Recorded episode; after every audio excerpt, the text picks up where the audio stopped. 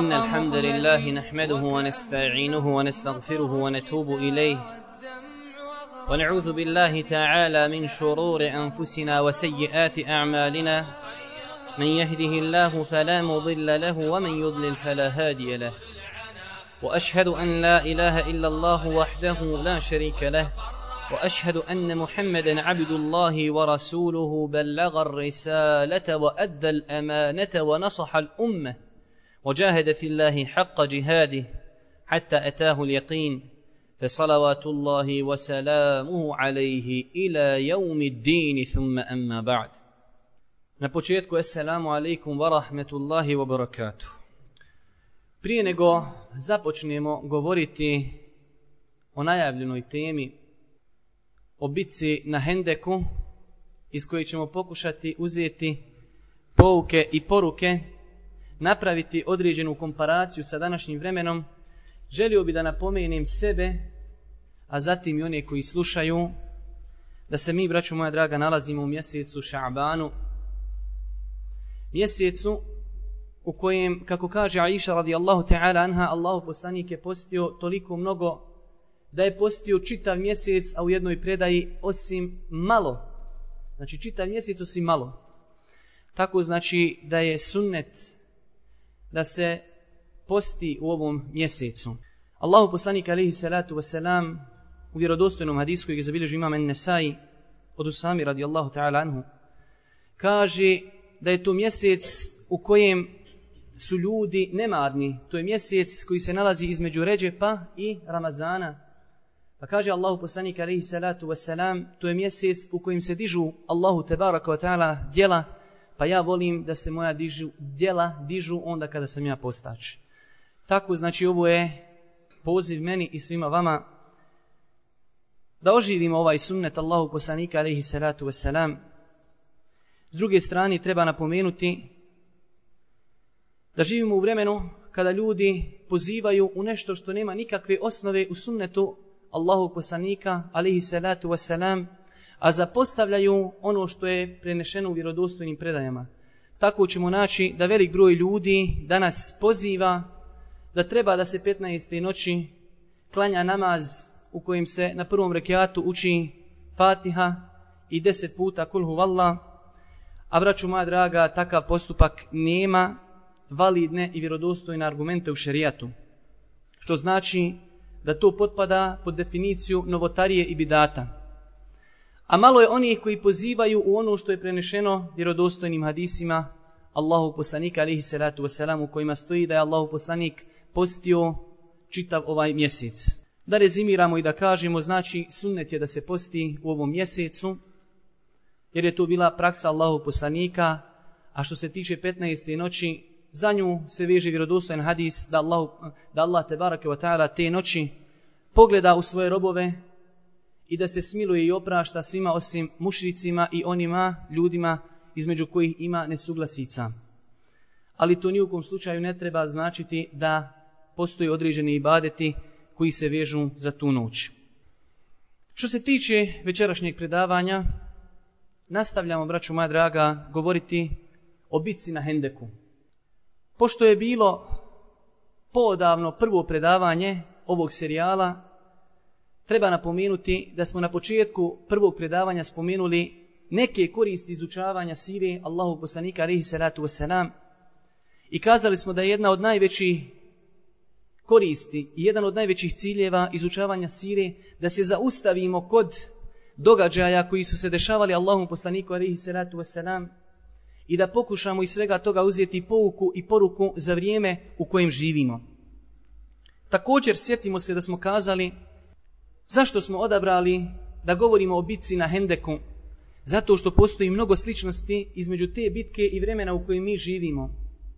U tom vremenu su se neprijatelji Islama okupili u savezništvo u borbi protiv muslimana i u borbi protiv Islama. Tako ćemo danas naći da su neprijatelji Islama okupili se u raznoraznim alijansama i raznoraznim savezima u borbi protiv Islama i u borbi protiv muslimana. Zato mi trebamo da pažljivo izučajemo ovu bitku, Da vidimo kako je Allahu poslanik alihi salatu wasalam prevazišao tu duhovnu krizu koja je nastupila samim opkoljenjem Medine od strane saveznika. Da vidimo kako su se oni ponašali i da vidimo kako ćemo se mi ponašati. To je daleko od toga da mi trebamo kopati hendeke, ali, braću moja draga, vidjet ćete mnoge koristi u ovoj bitci koje se mogu preslikati na današnje vrijeme, naročito ako uzmimo u obzir kakvo je teško duhovno stanje bilo u Medini kada je tolika vojska opkolila Medinu iz jednog pravca, s druge strane židovi su prekršili ugovor sa Allahovim poslanikom alihi salatu wasalam, da vidimo kako je Allahu poslanik alihi salatu wasalam liječio tu bolest duhovnog poraza. Ako se sjećate u zadnjem predavanju, govorili smo o vremenu događanja bitke, govorili smo o povodu bitke, govorili smo o stanju muslimana u Medini nakon što su čuli za pokretanje te vojske i počeli smo govoriti o kopanju Hendeka. I tu smo stali i kazali smo da ćemo u današnjem druženju nastaviti govoriti o muđizama koje su se desile prilikom kopanja Hendeka. Prva muđiza koju ćemo spomenuti, a to je jedna od muđiza. Poznata muđiza i poznati događaj kojeg je zabilježio imam Buharija od Džabira radijallahu ta'ala anhu, događaj povećanja male količine hrane i povećanje blago, uh, bereketa u toj hrani. Kaže Džabir radijallahu ta'ala anhu, spomenut ćemo ovu predaju ukratko, A nakon toga ćemo također ukratko spomenuti samo neke koristi koje bi mi mogli preslikati na današnje stanje. Kaže Džabir radijallahu ta'ala anhu, kada smo kopali hendek, pred nama se ispriječila velika stijena, pa smo pozvali Allahu poslanika alihi salatu wasalam, pa je kazao Allahu poslanik alihi salatu wasalam, ja ću sići. Pa je sišao Allahu poslanik u hendek, a na njegovom stomaku je bila svezana pećina ili kamen. Kaže Džabir radijallahu ta'ala anhu, već tri dana nismo okusili ništa od hrani. Pa je Allahu poslanik alihi salatu wasalam uzeo krampu, udario u stijenu i ona se pretvorila u prašinu i pjesak. Kaže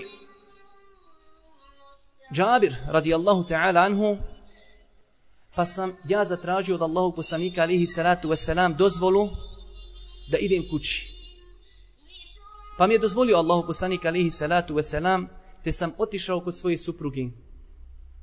Pa sam joj kazao, poslušajte ove riječi, Džabira radijallahu ta'ala anhu kaže, obraćajući se svojoj supruzi, vidio sam danas nešto na Allahovom poslaniku i nisam se mogao strpiti. Imaš li išta od ranije da nahranim Allahov poslanika alihi salatu wasalam?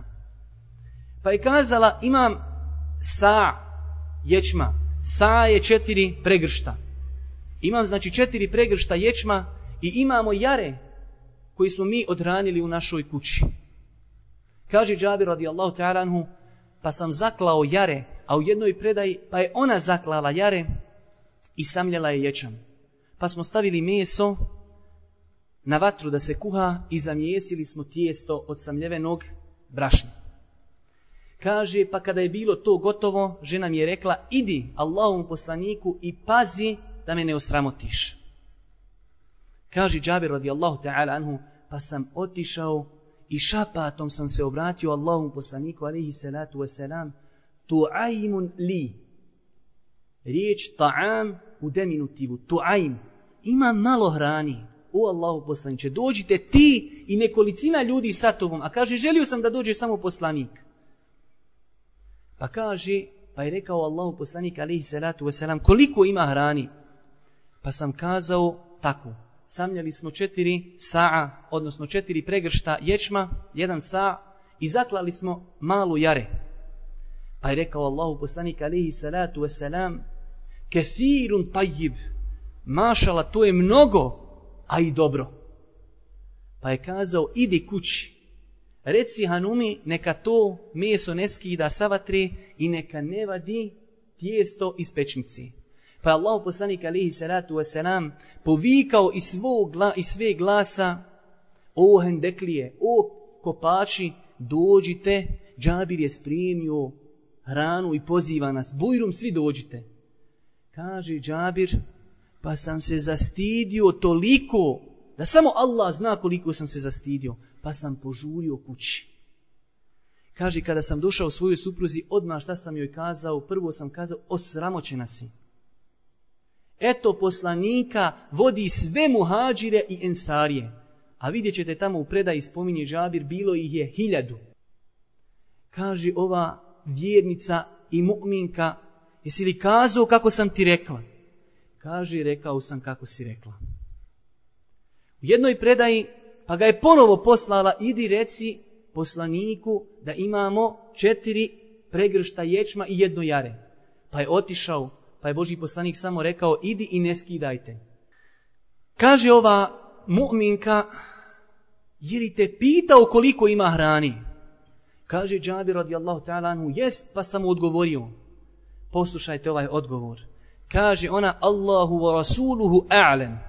Allah i njegov poslanik najbolje znaju. Kaže Džabir radijallahu ta'ala anhu, pa je ona odagnala od mene toliku veliku tugu i toliku veliku brigu. Kaže Džabir radijallahu ta'ala anhu, pa je došao Boži poslanik alihi salatu wasalam, pa je pljucnuo u meso i blagoslovio ga, pa je pljucnuo također u tijesto i blagoslovio ga, pa je naredio da se ulazi u kuću u skupinama po deset ljudi i da se ne guraju. Kaže Džabir radijallahu ta'ala anhu, bilo nas je hiljedu i svi su jeli i svi su otišli nakon što su se najeli onoliko koliko su mogli jesti a kaže posuda je ostala prepuna mesa kao da je netaknuta, a i tijesto je ostalo kao netaknuto. Pa nam je kazao Allahu poslanik alihi salatu veselam, jedite i udjeljujte jer je narod zadesila neimaština. Pa kaže Džabir, pa smo cijeli dan dijelili komšijama.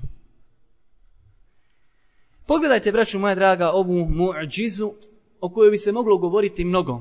Spomenut ćemo ukratko neke koristi iz ove mu'đize. Prva stvar, Pogledajte samo skromnost Allahu poslanika alihi salatu wasalam, koji je bio presjednik državi, koji je bio najodabraniji poslanik, ne od najodabraniji rob kao insan, već najodabraniji poslanik.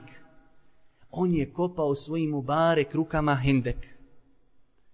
On je vezao kamen na svoj stomak od jačine gladi nakon što tri dana ništa nije jeo iako je bio prijesednik državi. Pogledajte te skromnosti Allahu poslanika alihi salatu wasalam i postavimo sebi pitanje gdje smo mi od Allahu poslanika alihi salatu wasalam.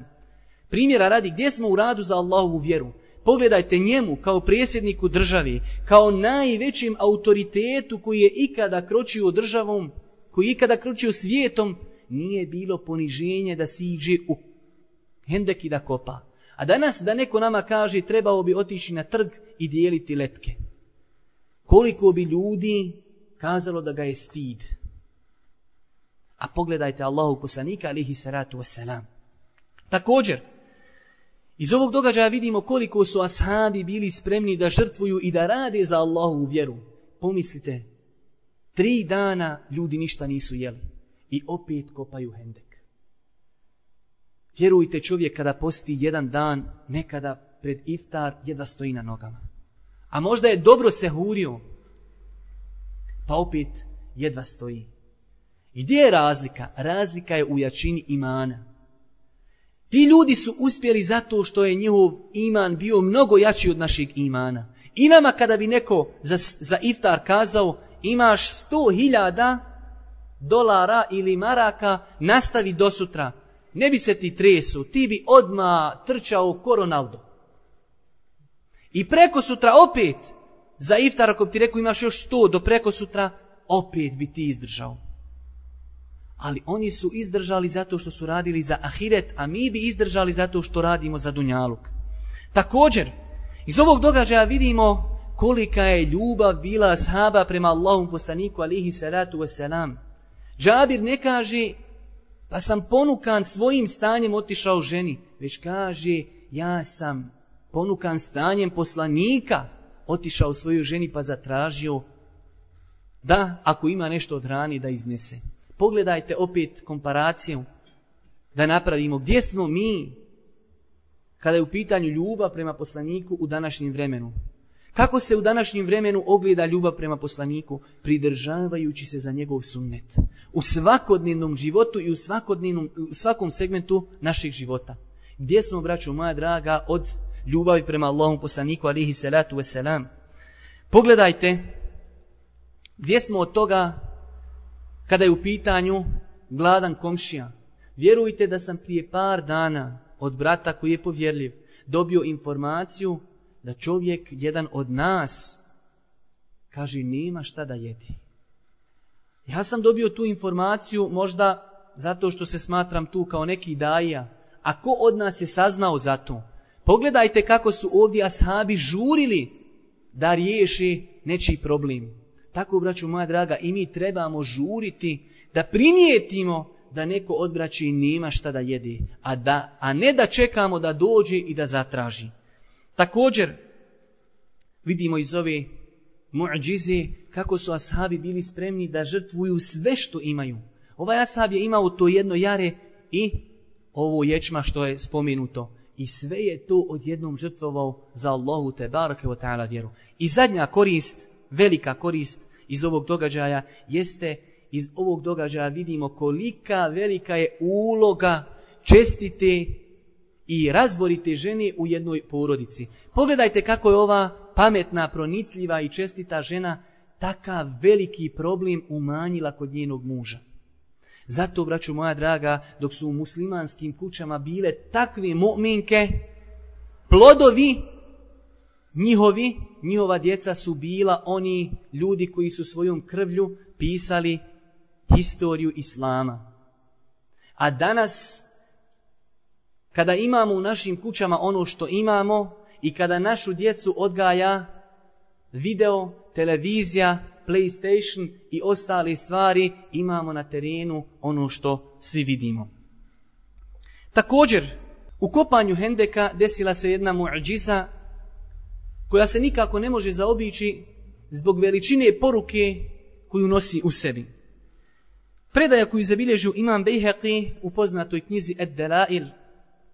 Predaja koju zabilježu imam Ahmed u Musnedu od Bera ibn Aziba radijallahu ta'ala anhu. Da je pripovjedao, kaže dok smo kopali hendek, ispriječila se pred nama velika stijena.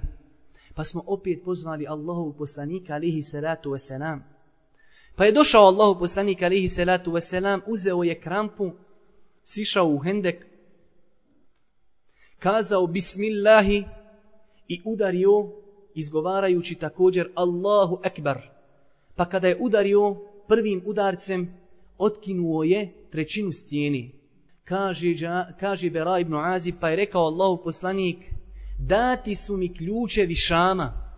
Ja sa ovog mjesta sada vidim crvene dvorce šama. Pa je udario drugi put, pa je otkinuo drugu trećinu stijene, pa je kazao, dati su mi ključevi Perzije. Tako mi Allaha s ovog mjesta vidim dvorce Medaina. Pa je treći put udario izgovarajući Bismillahi.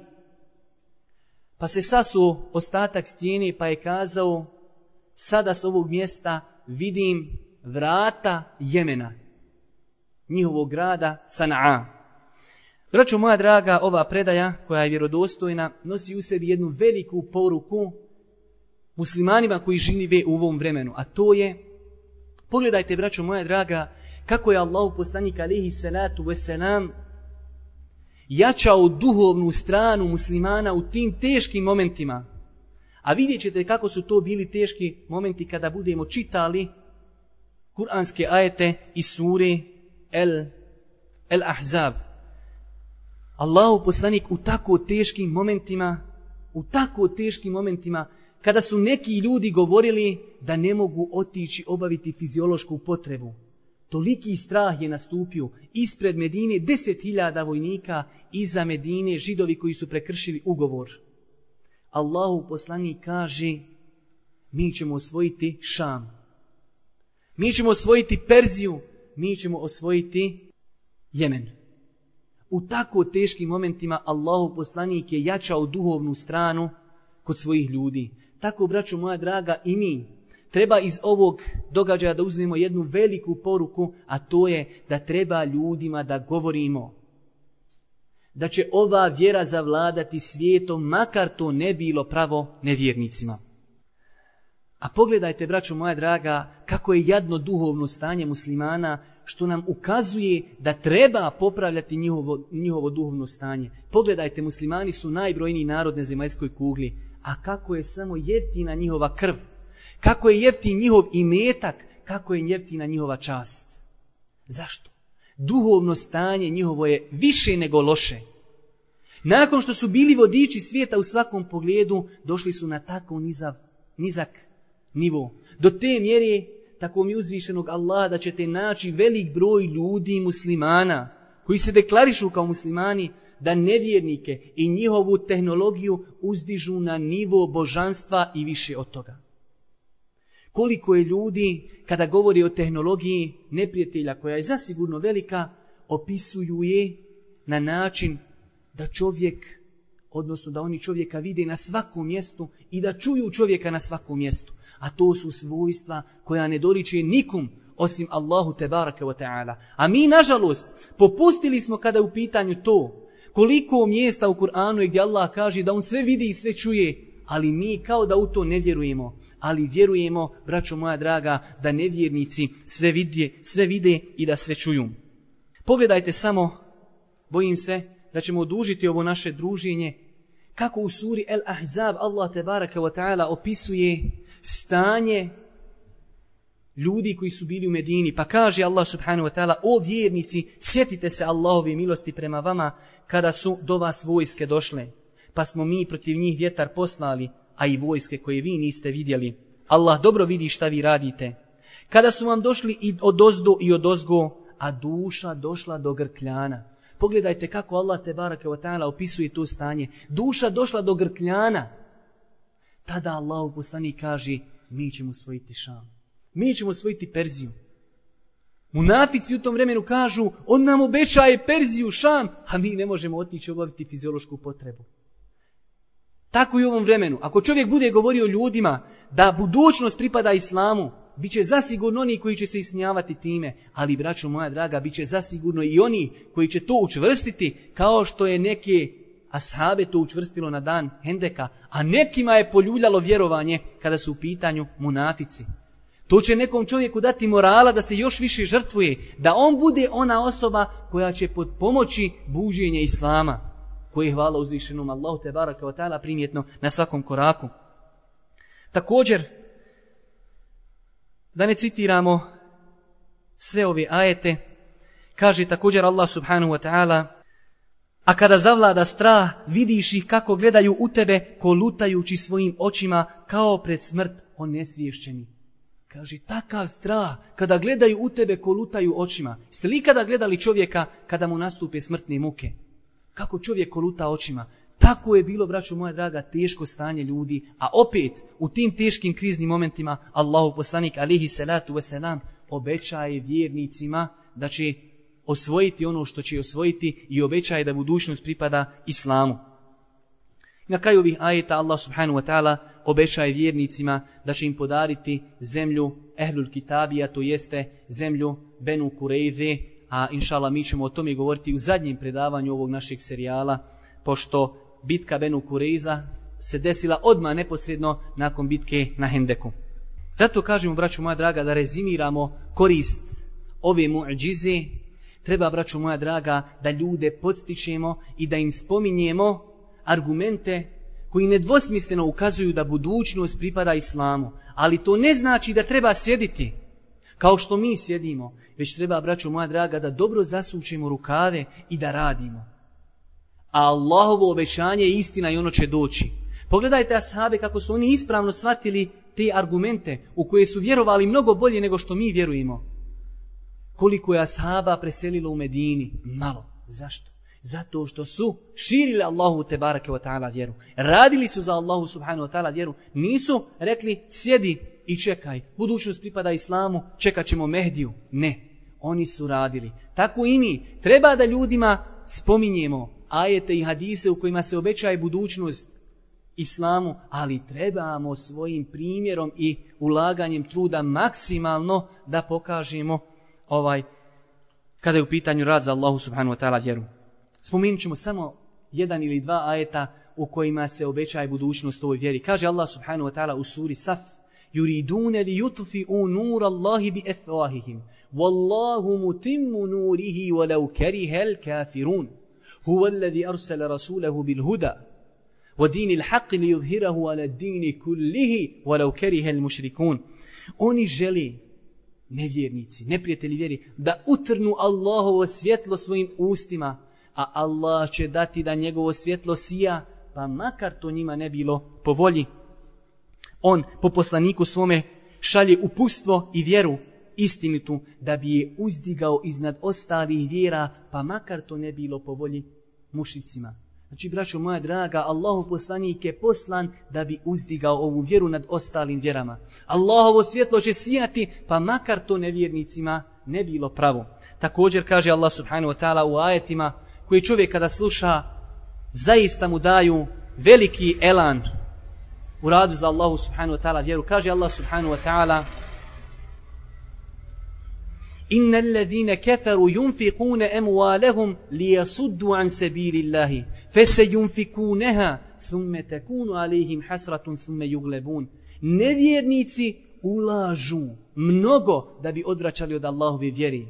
Oni će to kaže uraditi, ali nakon toga će doživjeti propast. Thumme juglebun, a nakon toga će biti pobjeđeni. Pogledajte koliko se sredstava ulaže u ratu Iraku mnogo sredstava, ali neka ulažu, neka ulažu, neka znaju da je to prvi korak njihove propasti. Također, mnogo je hadisa u kojima Allah poslanik alihi salatu wasalam nagovještava da budućnost pripada ovoj vjeri. Spomenut ćemo samo neke od njih hadis koji je zabilježio muslim. Od Theubana radijallahu ta'ala da je Allahu poslanik kazao spojena je i skupljena mi je sva zemlja pa sam vidio njen istok i njen zapad, a vlast mog ummeta će dostići sve ono što mi je pokazano. Vlast mog ummeta će dostići sve ono što mi je pokazano. I istok i zapad, ako Bog da će, biti pod kontrolom Islama i muslimana. Također hadis koji je zabilježio imam Ahmedu Musnedu, imam Bejheqi u Delailu sa vjerodostojnim lancem prenosilaca od Huzeyfi radijallahu ta'ala da je Allah poslani kazao Biće poslanstvo onoliko koliko Allah subhanahu wa ta'ala bude htjeo. Zatim će to Allah Đelešanu uzdići. Nakon toga će biti pravedni hilafet po programu poslaničkom, pa će ga Allah uzdići kada htjedni. Pa će nakon toga doći nepravedna vladavina, pa će biti onoliko koliko Allah Đelešanu želi, pa će Allah Đelešanu uzdići tu vladavinu kada bude želio, a nakon toga će doći hilafet po vjerovjesničkom programu. Znači, braćo moja draga, vratit će se sigurno hilafet. I muslimani moraju da budu ubijeđeni da će se vratiti hilafet po poslaničkom programu. Ovaj hadis je vjerodostojnim ocjenju šeha Albani, rahmetullahi alihi. Također, od vijesti koje je kazao Boži poslanik u toku kopanja Hendeka, koje su se obistinile, jeste i to da je nagovijestio da će Ammara ibn Jasira radijallahu ta'ala anhu ubiti nasilnička skupina. Znači ima još muđiza koje su se desile tokom kopanja Hendeka, ali dovoljno je da spomenemo ove dvije koje smo spomenuli, a ova stvar, ovo je jedna stvar koju je nagovijestio Allahu poslanik alihi salatu wasalam i ona se desila i to je također jedna od muđiza da je Allahu poslanik nagovijestio da će Ammara radijallahu ta'ala anhu ubiti nasilnička skupina. Pa tako u hadisu koji je zabilježio imam Buharija, imam muslim od Ebu Sa'ida el-Hudrija, kaže Ebu Sa'id, obavijestio je me onaj ko je bolji od mene. Ko? Jedan drugi ashab, Ebu Katade. Pogledajte kako su asabi jedni druge cijenili. Kaže, obavijestio je me onaj koji je bolji od mene. A u drugoj predaji on kaže ko je Ebu Katade da je čuo Allahu poslanika alihi salatu wasalam na dan kopanja Hende kada je kazao milujući Amara po njegovom čelu, po njegovoj glavi, kaže Amara će ubiti nasilnička skupina. Pa je Ammar ibn Jasir radi Allahu ta'ala preselio u bici na Sifinu kada je došlo do borbe između Ali radijallahu ta'ala anhu i Muadi radijallahu ta'ala anhu. Ammar radijallahu ta'ala anhu je bio u Alinoj vojsci i to je dokaz da je Ali radijallahu ta'ala anhu u tom sporu bio u pravu, iako to ni u kom slučaju ne znači da treba vrijeđati Muaviju, Muavija u tom događaju se smatra mučtehidom i on je jedan od ashaba Allahog poslanika alihi salatu wasalam o kojem ne smijemo govoriti osim lijepe stvari. Mi ćemo ako Bog da imati jedan serijal predavanja u kojima ćemo govoriti o ovim dešavanjima koje su se desila između ashaba kako bi imali ispravno ubjeđenje, pošto je prošireno kod ne malog broja ljudi, muslimana, da vrijeđaju Muaviju radijallahu ta'ala anhu. Kad sam pripremao ovo predavanje, naišao sam na neka na neke podatke o Ammaru ibn Jasiru u njegovoj biografiji, nisam mogao da ih ne spomenim. Pa tako hadisu kod imama Buhari od Ebu Sa'ida radijallahu ta'ala anhu kaže Kada je Boži poslanik gradio džamiju, u početku, znači Islama, bitka na Hendeku je bila u petoj godini po Hidžri, a ovo je na početku dolaska Allahog poslanika u Medinu, kaže, ashabi su nosili čer, čerpić ili ciglu. Svi su nosili po jedan čerpić, a Ammar je nosio dva. U jednoj predaji stoji, jedan je nosio za sebe, a jedan za Allahog poslanika. Pa ga je Allahog poslanika, alihi salatu wasalam, također potapšao po glavi i kazao je, teško Ammaru, njega će ubiti nasilnička skupina, on njih poziva u džennet, a oni njega pozivaju u džehennem. Pa bi Amar odgovarao, e'udhu billahi minel fiten, utječim se Allahu subhanahu wa ta'ala od iskušenja. Također, Allahu poslanik je kazao za Ammara u vjerodostojnom hadisu, nikada Ammar nije izabrao između dvije stvari, a da nije izabrao ona koja je plemenitija i pravednija. Kopanje Hendeka se završilo, braćo moja draga, prije nego što je stigla neprijateljska vojska do Medini. Kada je došla neprijateljska vojska, saveznička vojska kod Medine, iznenadili su se. Jer je to prvi put u historiji da je neko koristio takvu metodu odbrane kopanje Hendeka. Pa su bili primorani da promijenu, promijeni taktiku i plan ratovanja, pa su odlučili da obsjedaju Medinu iako nisu ni materijalno ni duhovno bili spremni za opkoljenje Medini. Vojska muslimanska na čelu sa Allahim poslanikom alihi salatu wasalam svakim danom je izlazila i patrolirala oko Hendeka kako ne bi dozvolili neprijateljskoj vojsi da zatrpaju Hendek pa da prijeđu i da jurišem napadnu Medinu. Svi su se znači zadovoljili prebacivanjem ovaj strelica, nije dolazilo do direktnih sukoba. U tom periodu desio se jedan događaj izuzetno interesantan, njega ćemo spomenuti i time ćemo ako Bog da završiti ovo naše druženje. Događaj koji je po meni veoma koristan za današnje vrijeme. Pokušat ću da vam dočaram njegovu bitnost za današnja vremena.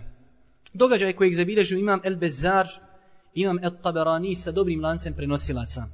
U periodu kada se desila ova opsada Medine, Allahu poslanik je stupio u kontakt sa plemenom Gatafan, koji su činili jedan veliki dio neprijateljske vojske.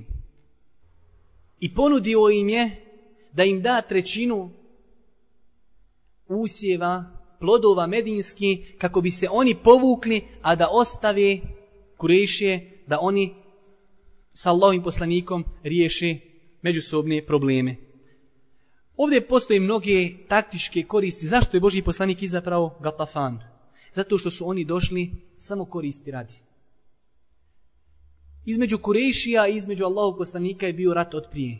I oni su poveli Gatafan zato što su oni očekivali da će ući u Medinu i da će dobiti nešto od medinskih plodova.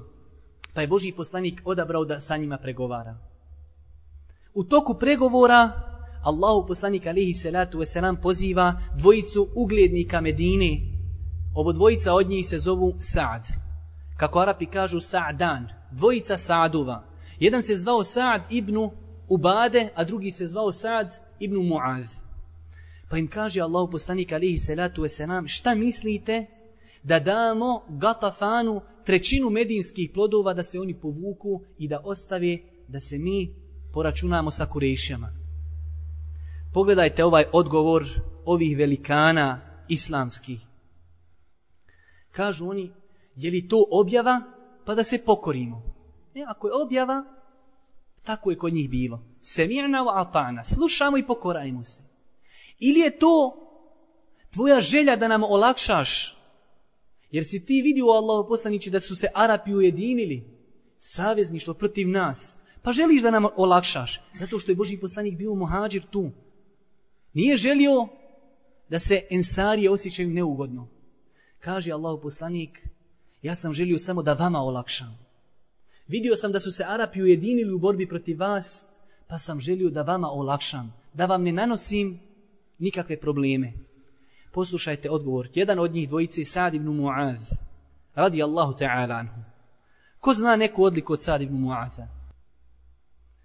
Njegovim, njegovom smrću se zatrisao arš uzvišenog Allaha tebaraka wa ta'ala. To je jedini ashab zbog čije smrti se potrisao arš Allaha tebaraka wa ta'ala kao što je došlo u vjerodostojnom hadisu. To je ashab koji je presudio plemenu Benu Kureyza po presudi Allaha tebaraka wa ta'ala da se pobiju muškarci, da se žene ovaj dadnu u roblje i da se njihov imetak podijeli. To je ashab koga kada su nosili, kada je bio na tabutu njegovu dženazu, njegova dženaza je bila lahka, pa su munafici kazali, pogledajte kako je lahka njegova dženaza, to je grije, zato što se ugriješio, zato što nije pravedno presudio prema Benu Kurezi, pa je rekao Boži poslanik, njegova dženaza je bila lahka zato što su i nosili meleki. O njemu je rekao Allah poslanik alaihi salatu wasalam jedne prilike kada mu je dodijeljena svila, pa su joj ashabi dodirivali svojim rukama, diveći se ljepoti svile, rekao im je Allahu poslaniku vjerodostinu hadisu, maramica Sad ibn Mu'adha u džennetu je bolja od te svile. Taj Sad ibn Mu'adh preuzima na sebe da da odgovor Allahom poslaniku, pa kaže, o Allahu poslanić, mi smo bili sa Gatafanom zajedno u vremenu džahilijeta. Oni od nas nisu mogli dobiti jedne datuli, osim na dva načina. Ili da nam dođu u goste, pa ih mi počastimo, ili da im prodamo. Na drugi način nisu mogli okusiti medinsku hurmu. Zar da sada, nakon što smo dobili islam, i nakon što nas je Allah počastio tobom, da im dajemo svoje plodove. Wallahi neće dobiti ništa osim sablji, sve dok Allah ne presudi između nas i njih. Pa je Allah, Allahu poslanik alaihi salatu wasalam nakon njihove čvrstoće prekinuo pregovore sa Gatafanom. Ovo je, braću moja draga, događaj kojeg smo mi vjerovatno slušali, nosi u sebi jednu izuzetno veliku poruku i pouku muslimanima današnjici. A to je, pogledajte kako je Allah poslanik procijenuo situaciju u kojoj se nalazio i bio je spreman na pregovor sa neprijateljima. Bio je spreman da im da nešto od imetka kako bi se povukli, ostavili muslimane na miru. Tako i mi, braću moja draga, danas, u današnjem vremenu, mora da znamo čime raspolažimo i u kakvoj situaciji se nalazimo. Ne možemo ovom napačenom ummetu koji je toliko bjedan da je postao žrtva najbjednijih naroda na zemlji, da mu diktiramo tempo ummeta u kojem su bili Ebu Bekr i Omer i ostali ashabi. Ne može, braćo moja draga, ummet izdržati takav tempo. Zato moramo znati kakvim resursima raspolažimo. Moramo znati stvarnost stanja ummeta. Zašto ovo govorimo? Zato, braćo moja draga, što se dešava da ljudi nekada dožive određene neugodnosti zbog prakticiranja islama, pa i to ponukada uradi stvar kojom nanesu zlo i muslimanima i islamu, želeći da uradi dobro, misleći da umet u kojem sada oni žive je umet u kojem je bio Ebu Bekr i Omer i Osman i Alija i Sad ibn Muaz i Abdurrahman ibn Auf i Talha i Zubeir i ostali. Braćo moja draga, ovo je umet u kojem sigurno 90% ljudi ne obavlja najveći farz nakon šehadeta namaz. I kako tim ljudima diktirati tempo onog tempa kojeg su imali prve generacije.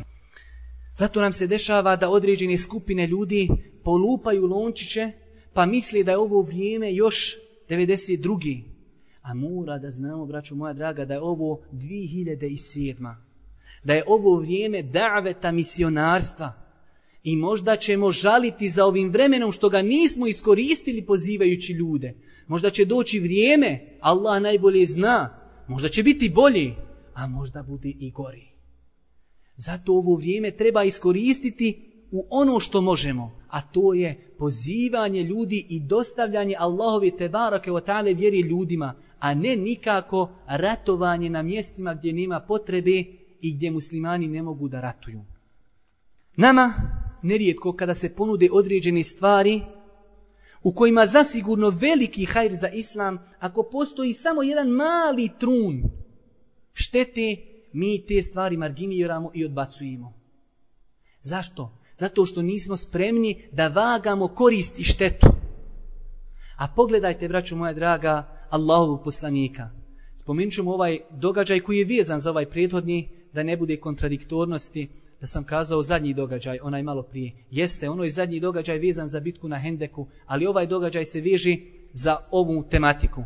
Pogledajte na kakve stvari je pristao Allahu poslanik alihi salatu wasalam u potpisivanju ugovora na Hudejbiji. Zašto?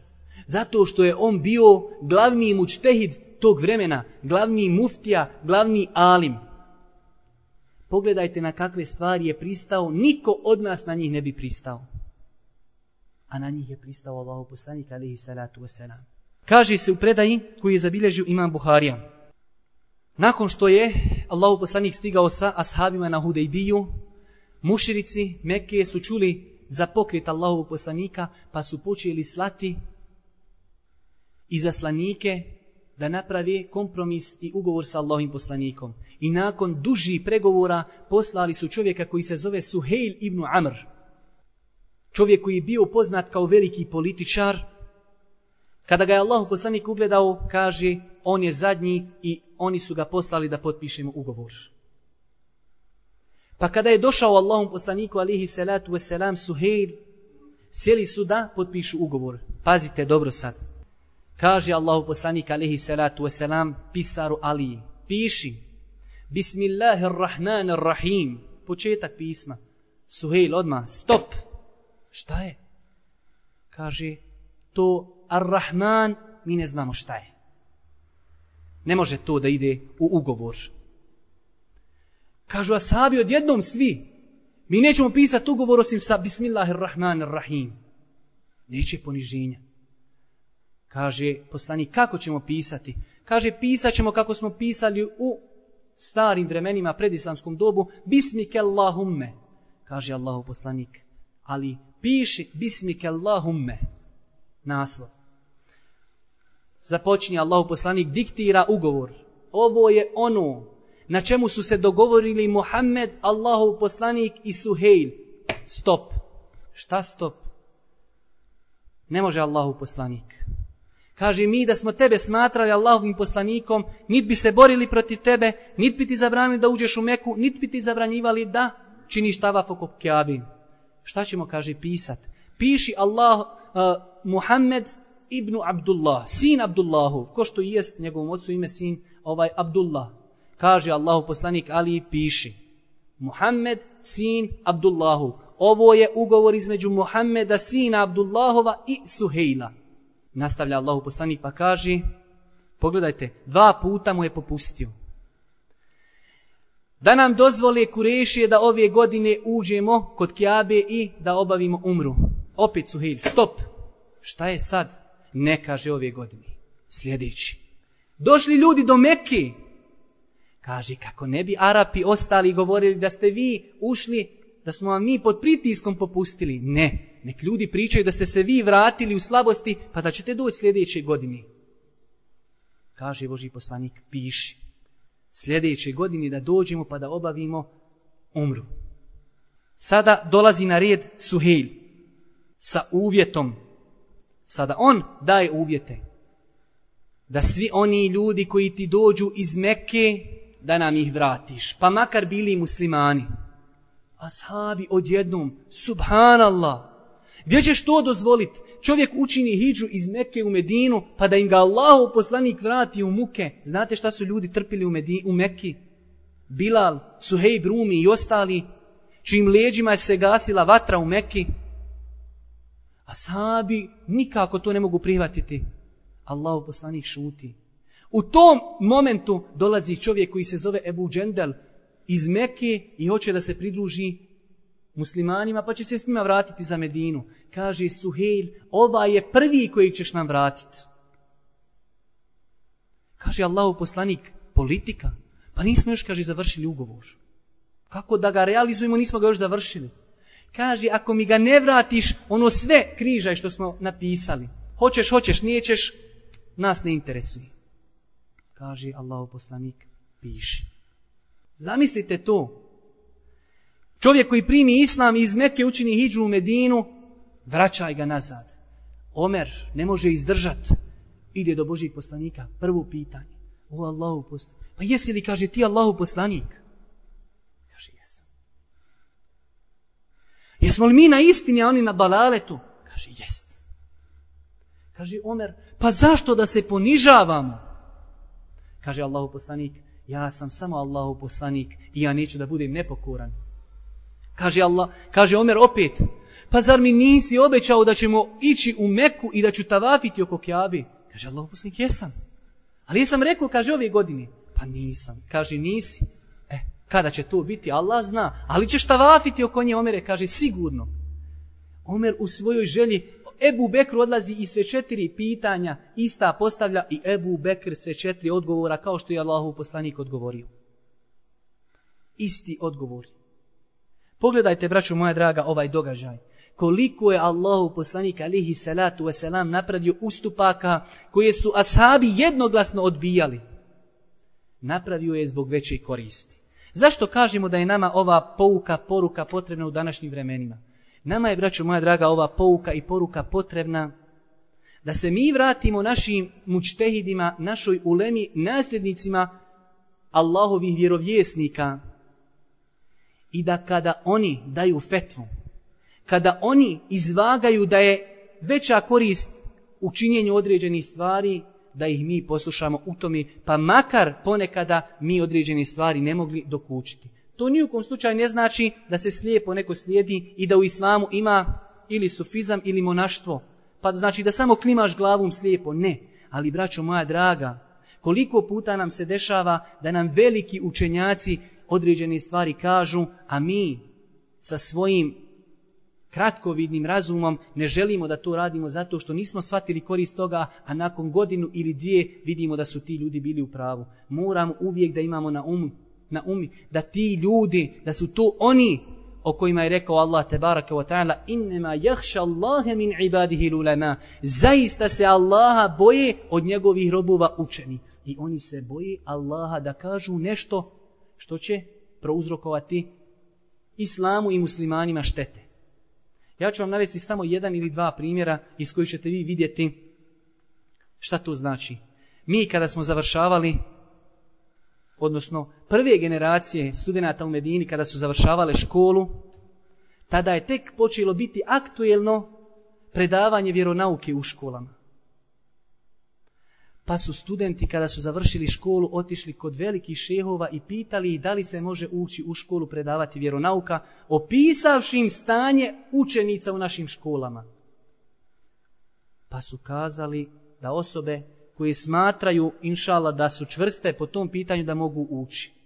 Bilo je mnogo studenata koji su određene šehove odmah prekrižili zbog te fetvi. A prvi kada su došli na teren i osjetili bosansko tlo pod nogama, prvi su ušli u škole. Mogu bi vam navesti koliko hoćete primjera takvi ljudi. Ili primjera kada je u pitanju glasanje na našim prostorima. Kada su pitanja postavljena velikim učenjacima, pa kada su oni izvagali korist i štetu pa su kazali da se može glasati, a određenim ljudima te stvari nisu bile jasne pa su smatrali da takav postupak izvodi iz vjeri. Zato kažemo, braću moja draga, veoma je bitno da se u ovim teškim momentima vratimo našim učenjacima. Onim učenjacima koji je cijeli umet prihvatio i priznao njihovo imamstvo i njihovo znanje. i da se s njima konsultujemo i da radimo onako kako nas oni savjetuju. Molimo Allaha te barake wa ta'ala da nas učini od iskrenih njegovih robova. Molimo ga subhanahu wa ta'ala da nas učusti ovim teškim vremenima. Molimo ga subhanahu wa ta'ala da nam bude milostiv na sudnjem danu. Molimo ga subhanahu wa ta'ala da nas uvede zajedno u džennet kao što smo se ovdje okupili. Molimo ga subhanahu wa ta'ala da pomogne našu braću muslimane ma gdje bili i na kraju subhanaka Allahumma ve bihamdike ešhedu en la ilaha illa ente estagfiruke wa etubu